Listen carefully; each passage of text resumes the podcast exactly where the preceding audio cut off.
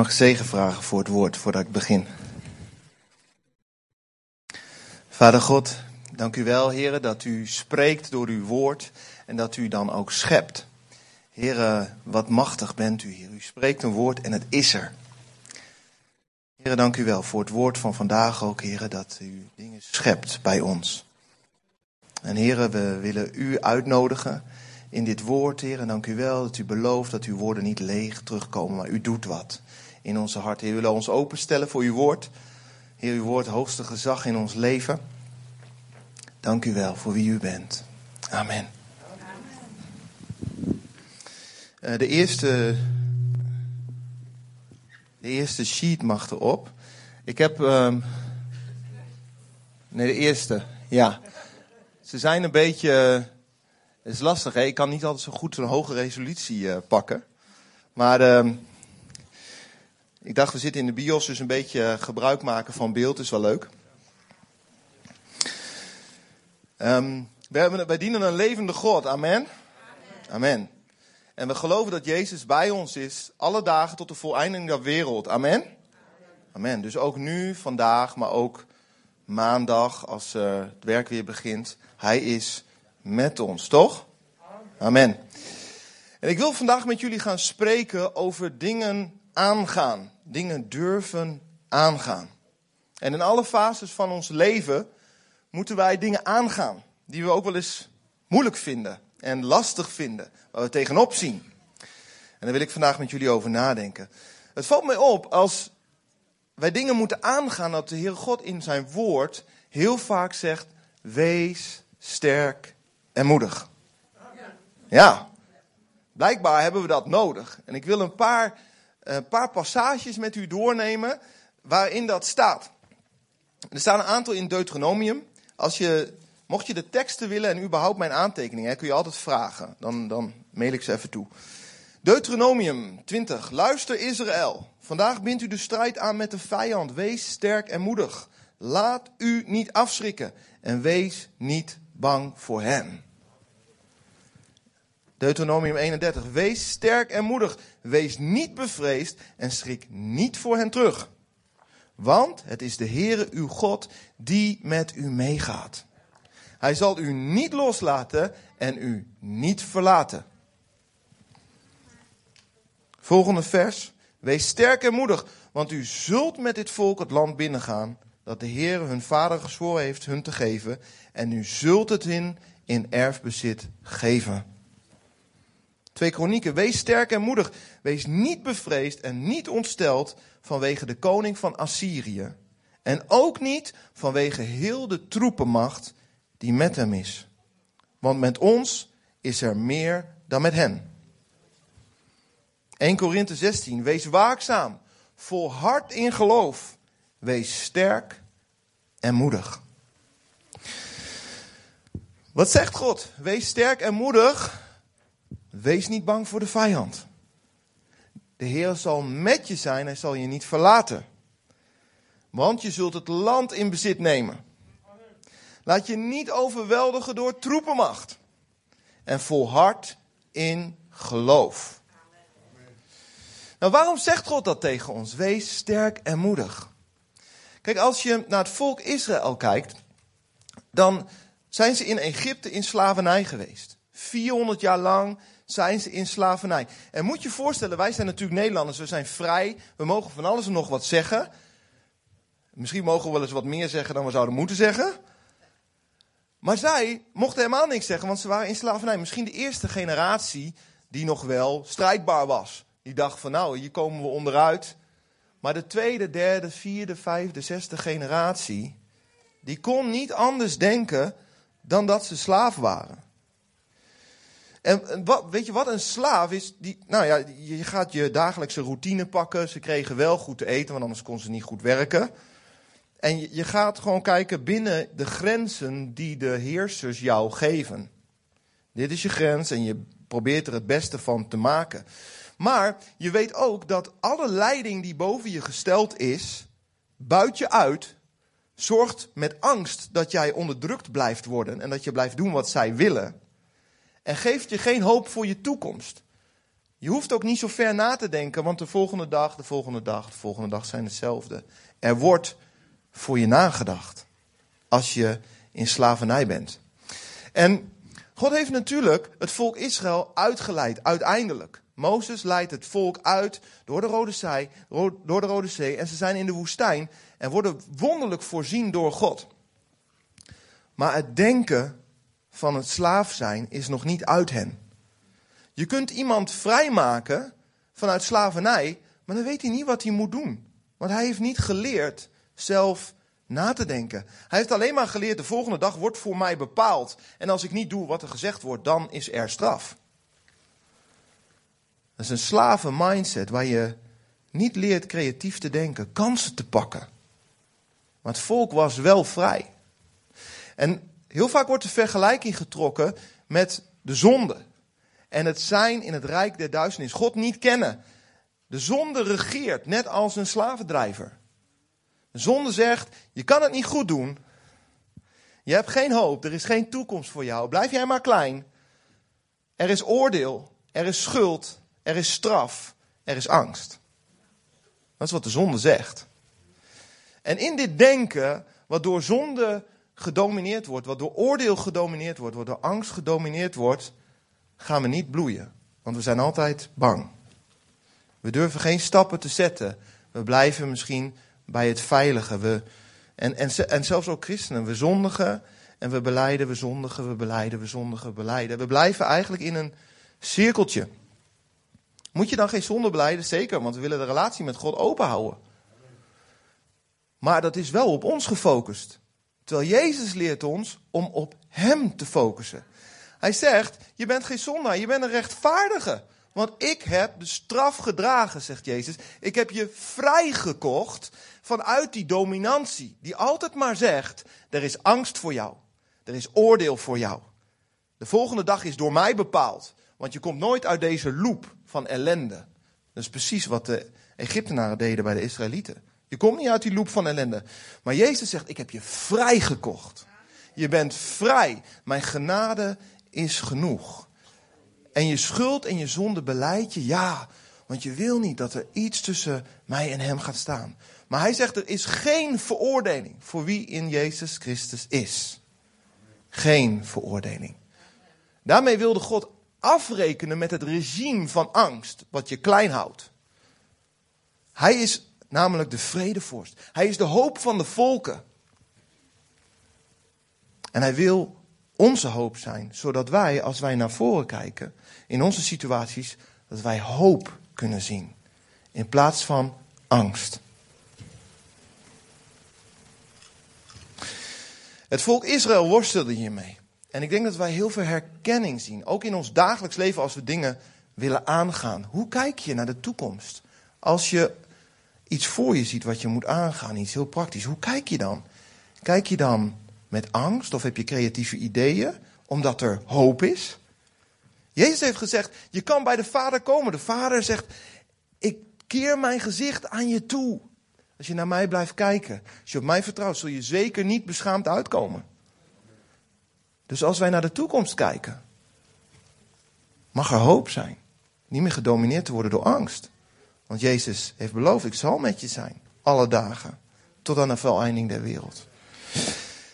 Iemand die hier ook mee worstelde was koning Saul. Dat was heel apart. Koning Saul was de eerste koning van Israël. Dat is eigenlijk niet helemaal Gods bedoeling, want hij zei van nou, ik wil, ik wil jullie regeren. Maar koning Saul wordt op een gegeven moment gesalfd. En dat is in 1 Samuel 10.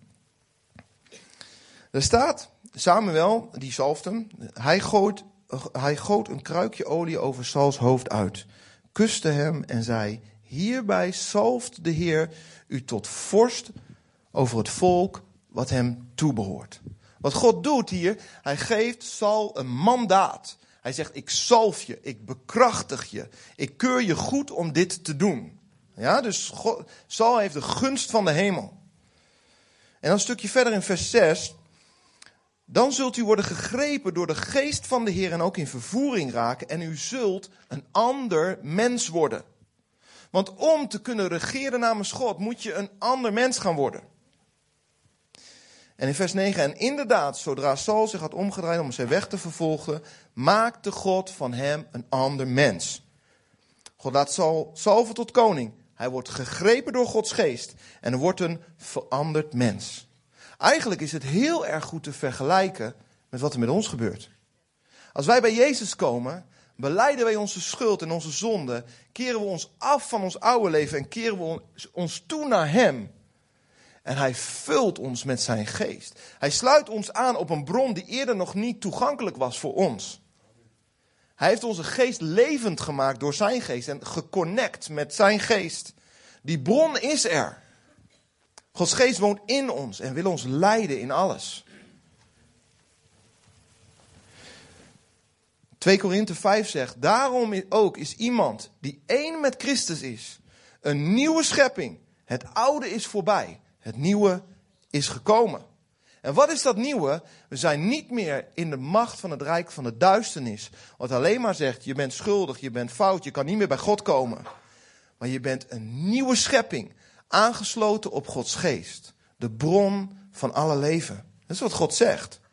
1 Petrus 2 zegt, maar u bent een uitverkoren geslacht, een koninkrijk van priesters, een heilige natie, een volk zich, dat God zich verworven heeft om de grote daden te verkondigen van Hem die u uit de duisternis heeft geroepen tot zijn wonderbaar licht.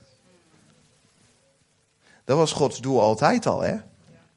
Dat wij zouden regeren. Genesis 1:27. God maakt de mens en God geeft de mens de opdracht om te regeren. God zegt: Ik heb je bijna goddelijk gemaakt. Ik heb je gemaakt als mijn evenbeeld.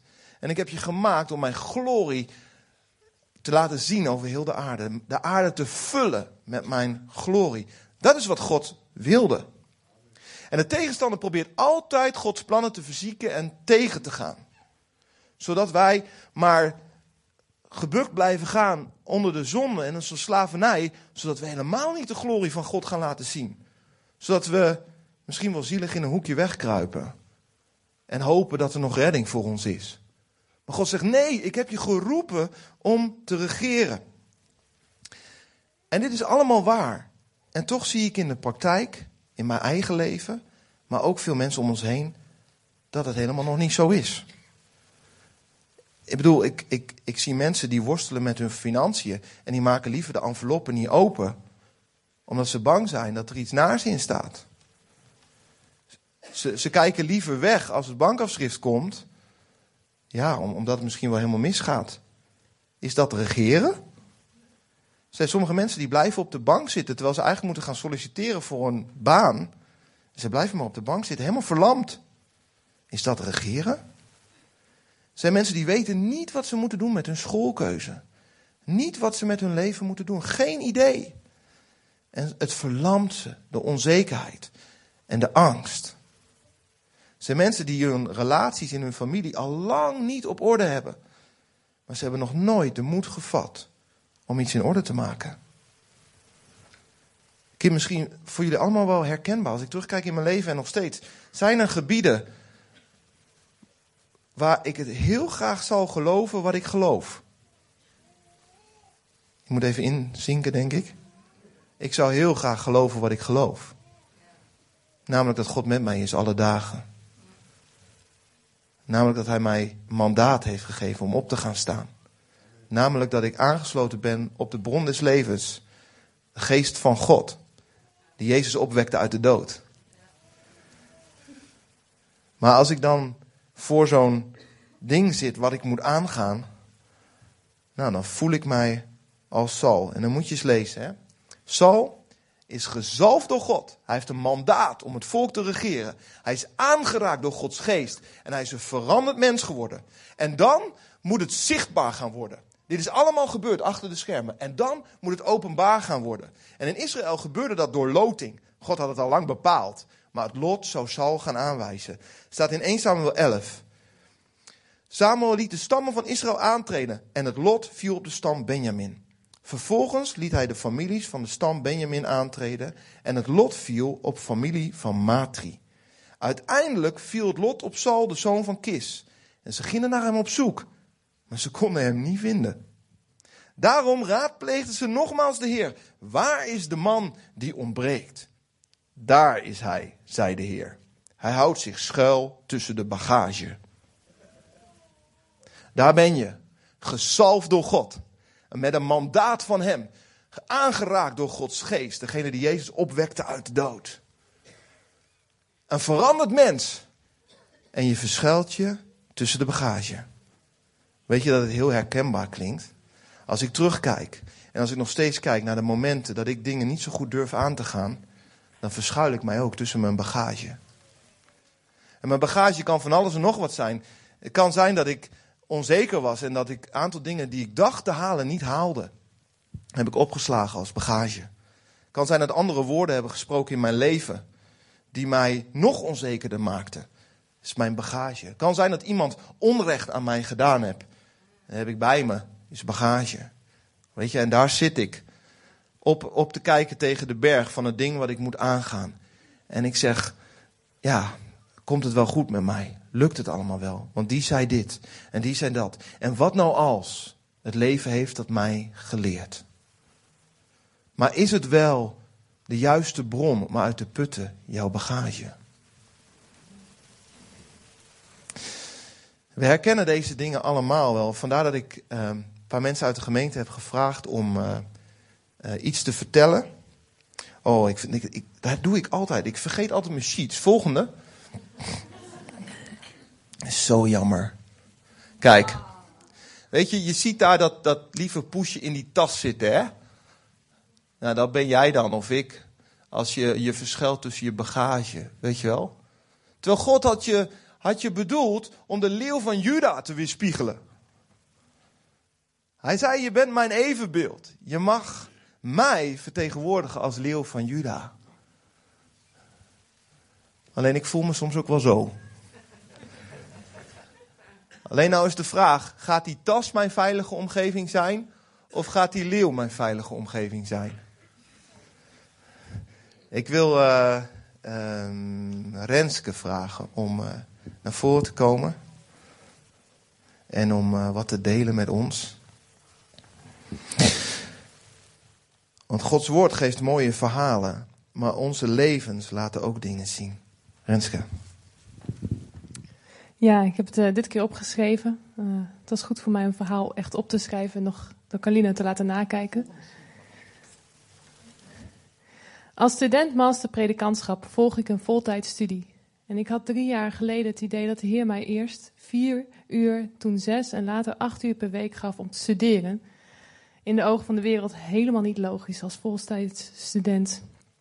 Maar achteraf heeft die tijd me geholpen om mijn studieritme en wijze te ontdekken, op Gods leiding te leren vertrouwen en ondertussen de tijd te hebben de scheiding van mijn ouders te verwerken en te leren hoe ik goed voor mijn kind kan zorgen. De angst en stress die ik in die tijd ervoer, kwam niet van God.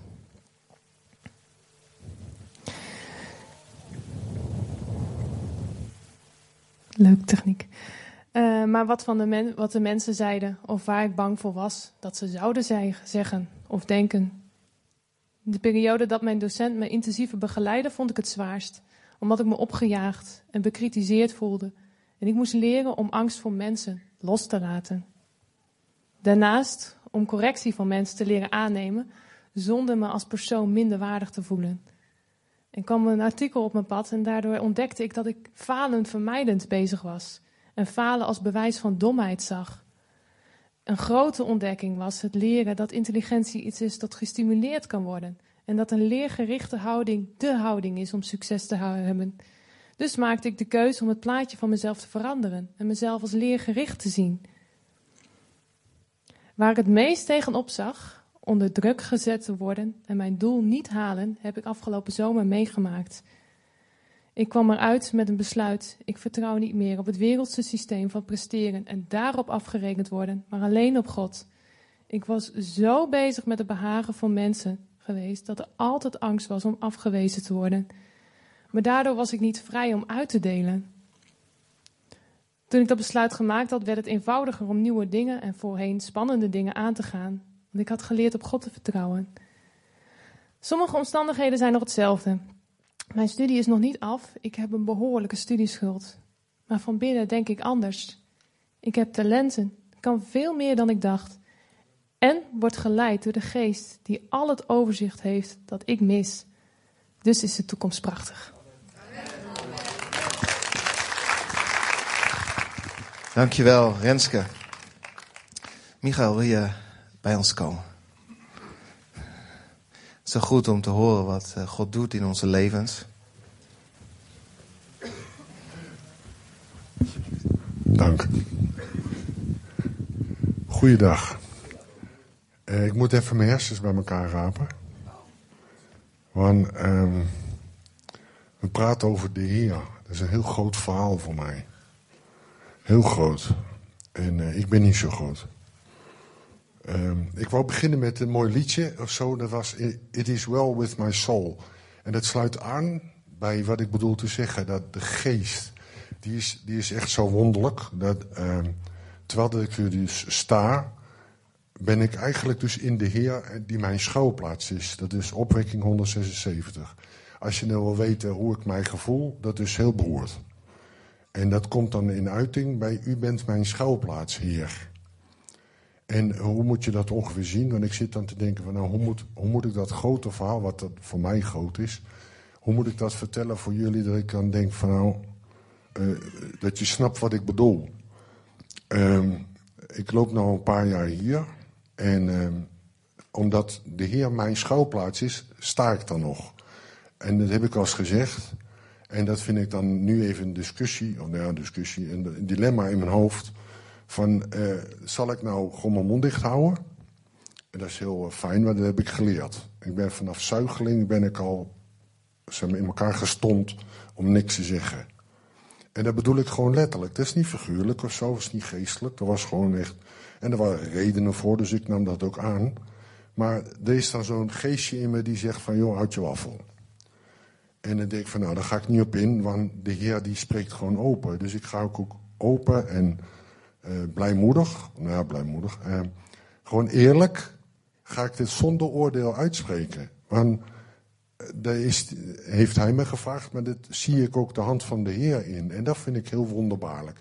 En ik loop dus bij hem en ik heb geen gezondheid, ik heb geen geld, ik heb eigenlijk helemaal niks. Ik heb wel een zoon, en daar kom ik dan zo even terug. Maar um, ik heb eigenlijk niks. Geen enkele reden ook om op te staan. Maar vanochtend was ik ook niet blij. En dat kan een demon zijn, dat vind ik verder niet zo belangrijk. Maar ik vertrouw op de Heer. Als je dan zegt zo van, nou, waarom loop jij? Nou, dat komt door de Heer. Maar er staat in dat gekke boek, dat we de Bijbel noemen, er staat helemaal, helemaal vol met van die bemoedigingen die hij ook zei. Dat ik denk van, ja, daar heb ik echt letterlijk gewoon steun aan. Dus als je zegt, wie is mijn kruk? Nou, dat is Jezus. Wie is mijn schuilplaats? Jezus. Wie ben jij? Jezus. Maar ik zeg altijd, tenminste, dat heb ik de laatste week heel erg. Een beetje minder van mij, maar meer van hem. Ja, en dat kan ik iedereen uitdelen. Als ze bij mij komen, dan zeg ik van, nou, waarom heb ik problemen? Nou, een beetje minder van jou en meer van hem. Dat komt allemaal goed. Maar goed, hoe is dat gekomen? Want ik lag op een gegeven moment in het ziekenhuis en uh, de, de boel was aan het kapot gaan. Mijn hart, uh, mijn gezondheid. En toen zat ik daar en ik denk ik van, ik was gescheiden, ik had geen geld, ik had gewoon, ach jongen, ik heb zo, zoveel problemen. En ik denk van, wat kan ik nou doen? Ik ben mijn zoon, ben ik verplicht dat ik alles heb gedaan. Als ik doodga nu, dus daar lag ik, ik lag een beetje doodgaan, dan ben ik hem verplicht dat als hij terugkijkt, dat is een jaar of 15, 16 op zijn vader, dat hij in ieder geval in zijn hart weet, mijn pa heeft alles gedaan om het te zijn. Dus ik denk, hoe kan ik dat voor elkaar? Want ik heb geen geld, ik heb geen uh, gezondheid, ik heb helemaal niks, geen ene reet. Dus toen kwam eigenlijk dat bij elkaar, dat zeg maar bij de nood is de redding nabij. Toen zegt hij van, nou ga maar bidden. Oh shit, ja, is bidden, dat kan ik doen, maar dat geloof ik niet. Maar ergens zei er een stemmetje, en dat was het gebed. Dan mag je weten, dat deel ik met iedereen.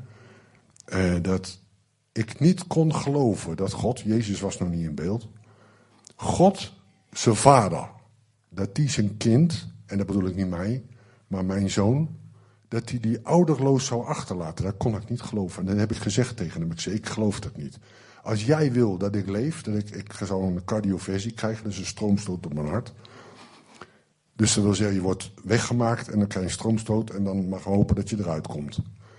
En ehm, toen lag ik daar en dan heb ik dat gebeden en toen heb ik mijn leven aan hem gegeven. Dus ik, joh God, als jij wil dat ik terugkom, ja, dan zal ik het wel zien.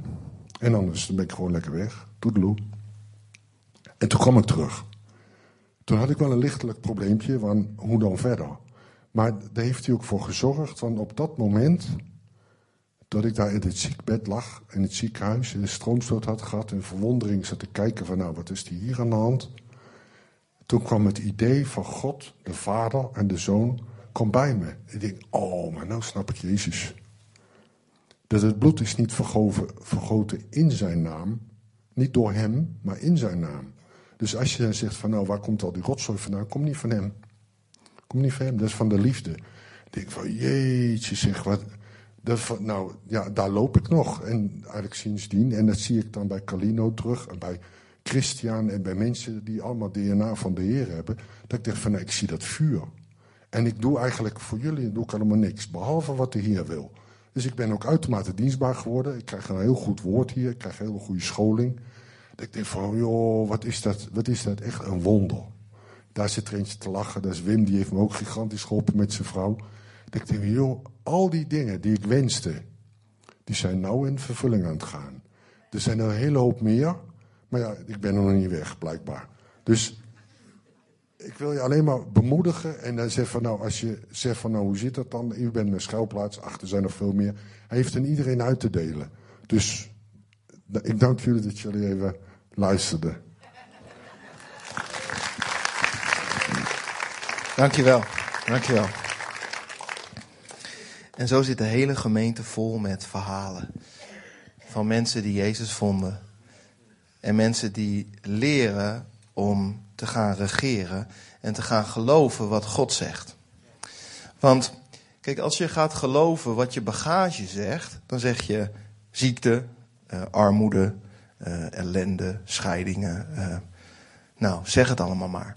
Maar als je daaruit put, nou ja, dan weet je ook dat je bron bitter is, toch? Ja, en dan word je een citroen misschien wel. Als je daarin knijpt, komt er zuur uit. Ja? Maar God wil dat we vol zijn van zijn Heilige Geest. Stromen van levend water zullen uit je binnenste vloeien. Komt het omdat jij het allemaal zo geweldig hebt gedaan? Nee. Het komt omdat je je geloof en je vertrouwen in Hem stelt. Want dat moet je wel doen. Dat moet je wel doen. Je moet niet zeggen, ik, niet op jezelf vertrouwen, maar op God gaan vertrouwen. En dan gaat Hij door zijn geest een bijzonder werk in je doen. Waardoor alle dingen waar de duisternis je heeft gedomineerd, waar zonde je heeft gedomineerd, gaan één voor één loskomen. En dat gaat niet allemaal tegelijk, dat weten we ook hè, met z'n allen. Ik was een moment dat ik zelf God me liet zien wat er allemaal nog niet, niet in orde was in mijn leven. En ik was allemaal aan het beleiden. Ik merkte, Heilige Geest stopte me op een gegeven moment in mijn gebed. En ik snapte uiteindelijk waarom. En als God alles in één keer had aangepakt, dan had ik het niet volgehouden. He, want het is soms gewoon best veel wat je met je meedraagt. God wil dat wij gaan regeren. Ik heb de volgende sheet.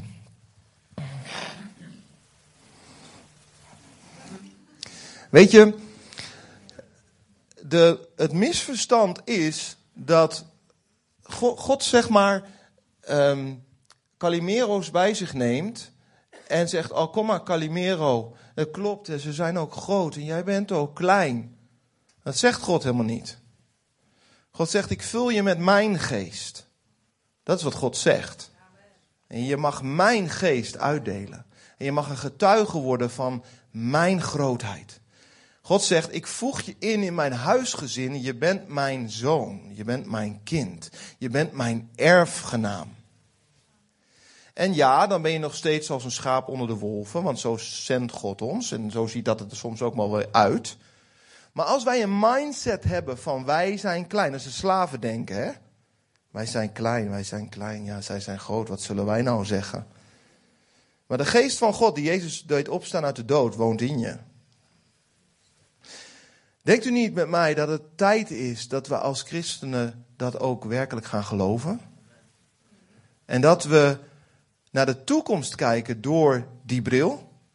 Dat we zeggen, oké, die, eh, die financiën, die staan voor me, die zijn als een berg voor mij. Maar de geest van God is in mij. De geest die orde bracht in dingen.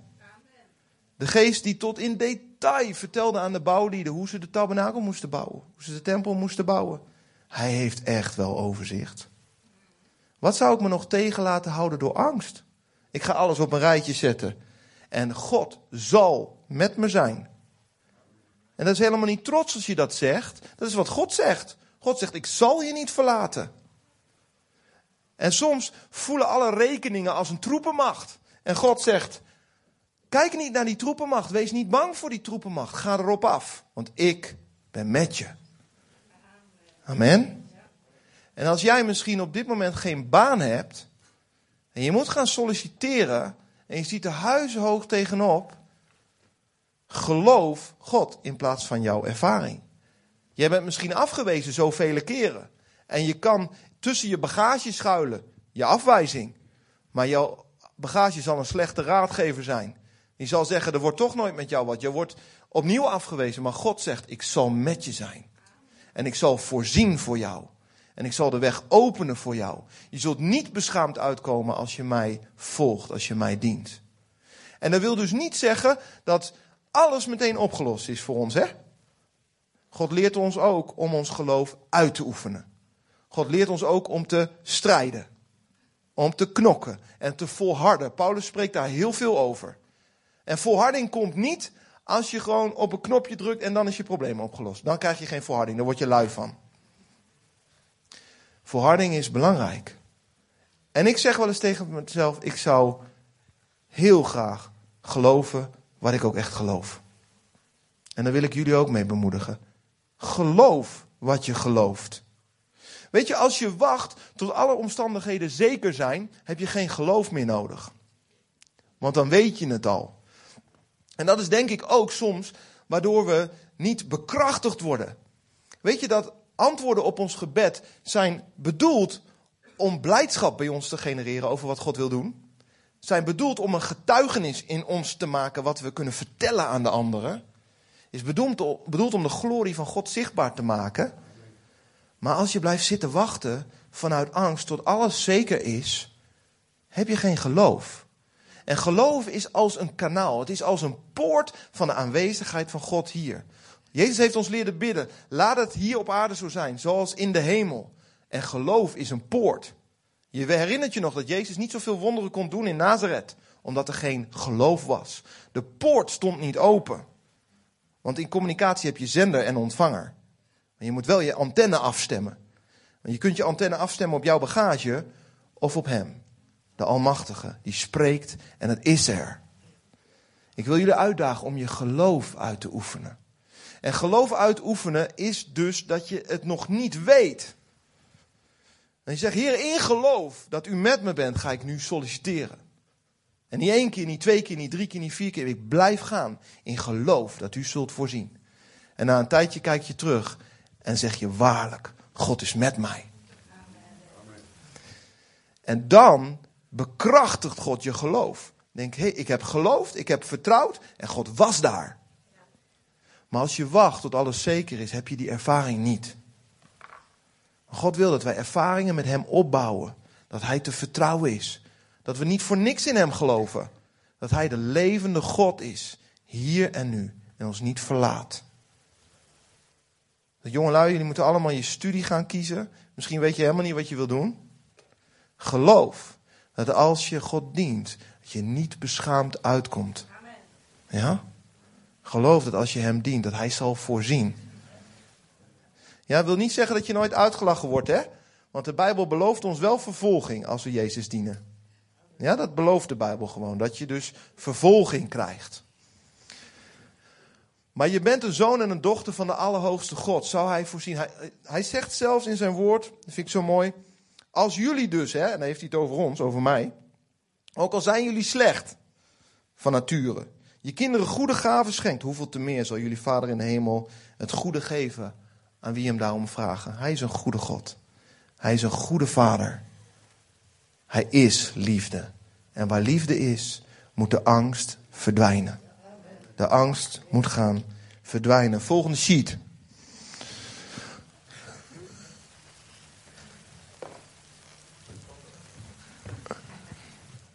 We kunnen in ons inzetten voor de Heer en getuigen. Maar als we dat niet doen op basis van de wetenschap dat Hij ons draagt, dat Hij alles in onze hand heeft, in zijn hand heeft, dan ehm, kun je je snel laten leiden door angst. En dan ga je snel kijken naar je eigen, ehm, je eigen kracht. Weet je, als jij met je eigen kracht moet rekenen, dan lukt het niet altijd. Want je hebt soms gewoon niet kracht genoeg. Maar als je gaat rekenen met zijn kracht, en in alles wat je doet weet, ik ben gedragen. Want hij heeft zijn belofte gegeven. Dan wordt je mindset anders. En je krijgt niet meer de mindset van een slaaf die beperkt is tot zijn eigen denken, die beperkt is door angst en door uh, angst voor straf. Maar je krijgt een mindset dat bij alles wat ik doe, weet ik, mijn hemelse Vader is met mij. Hij verlaat mij niet. Hij is liefde. En hij geeft hoop altijd. Psalm 138. De Heer zal mij altijd beschermen. Heer, uw trouw duurt eeuwig. 2 Timotheus. God heeft ons niet een geest van lafhartigheid gegeven, maar een geest van kracht, liefde en bezonnenheid. Krijg je van God. Romeinen 8. Wij weten dat voor wie God liefhebben, voor wie volgens zijn voornemen geroepen zijn, alles bijdraagt ten goede. Romeinen 8. Ik ben ervan overtuigd dat dood nog leven engelen nog machten, nog krachten, heden nog toekomst, hoogte nog diepte, of wat er ook maar in de schepping is, ons zal scheiden van de liefde van God die Hij ons heeft gegeven in Jezus, onze Heer. Ik wil je bemoedigen, gemeente. Pak het op. Overal waar je tegenop ziet. Pak het op. God is met je. Hij zal je niet verlaten. Wees niet bang voor alle tegenargumenten. Wees ook niet dom. Dat is de andere kant. He? Maar wees niet bang voor dingen die tegen je opstaan. Laat je niet regeren door angst, maar laat je regeren tot, door wat God zegt. Moet je dat allemaal alleen doen dan? Nou, het is heel goed als je leert alleen je geloof uit te oefenen.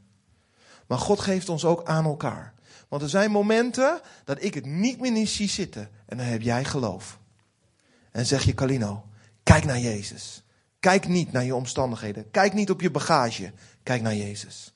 Maar er zijn andere momenten dat jij in de put zit en dan zeg ik tegen jou: Kijk naar Jezus. Zijn beloftes gelden voor jou. Dus wij hebben elkaar nodig. Wij moeten het wel zelf leren, ons geloof uit te oefenen. Want je kunt niet op andermans geloof blijven leunen. Maar het is ook niet zo dat we individualistisch alleen maar zijn. We hebben elkaar nodig. Dus we mogen elkaar bemoedigen om Hem te blijven volgen. Mag het muziekteam naar voren komen?